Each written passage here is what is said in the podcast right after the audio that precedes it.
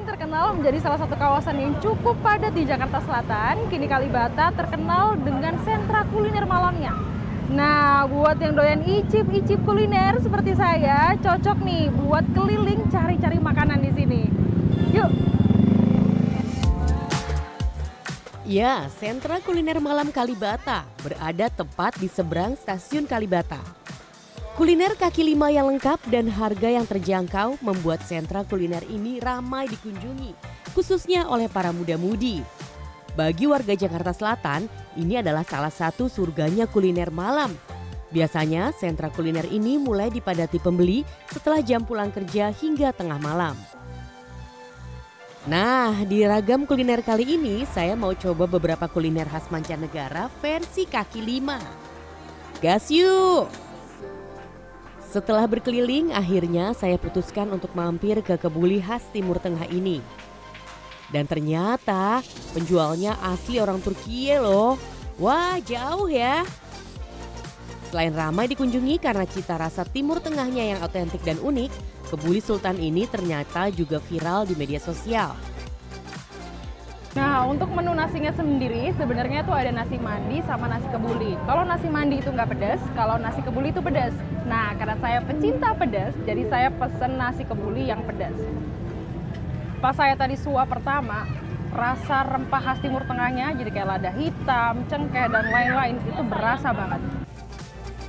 Meskipun dijual versi kaki lima, tapi rasanya nggak kalah sama yang ada di restoran loh. Nyam nyam nyam mau pulang terus nyari stasiun terdekat terus Kalibata nah kebetulan juga lapar kan. Terus nyari deh uh, di sosmed makanan apa sih yang dekat yang enak dan murah katanya. Ya udah akhirnya aku ke sini ke nasi kebuli Sultan. Kebuli Sultan ini buka setiap hari kecuali Selasa. Dari jam 4 sore hingga stok habis. Harga makanannya dibanderol mulai dari Rp15.000 sampai Rp50.000. Aman kan pemirsa di kantong kita? Suami di Pakistan kita di restoran.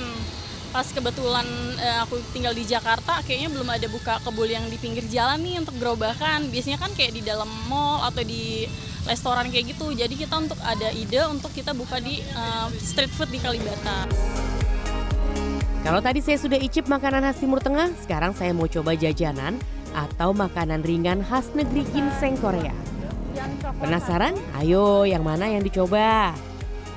Kalau tadi saya udah coba makanan berat dengan dominan rasa asin, sekarang saya coba makanan ringan yang dominan rasanya manis. Bunggopang namanya. Ini saya pesen yang rasa coklat. Jadi dia isinya coklat. Uh,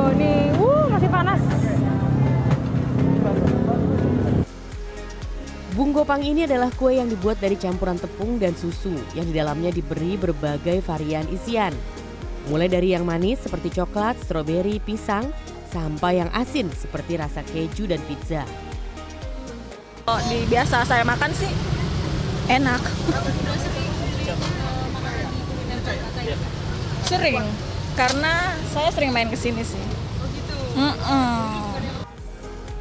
Kue yang serupa dengan waffle ini merupakan kue tradisional Korea yang berbentuk ikan dan sangat populer loh di negara asalnya. Kue ini dibanderol Rp25.000 per satu porsi yang isinya langsung dua kue. Puas deh jajannya. Nah, jika Anda berkunjung ke sentra kuliner malam Kalibata ini, kira-kira mau pilih yang mana nih? Mau makanan berat yang bikin perut langsung kenyang? Atau yang ringan gurih tapi bikin nagih. Gadis Rose, Andika Surahmanto, Jakarta.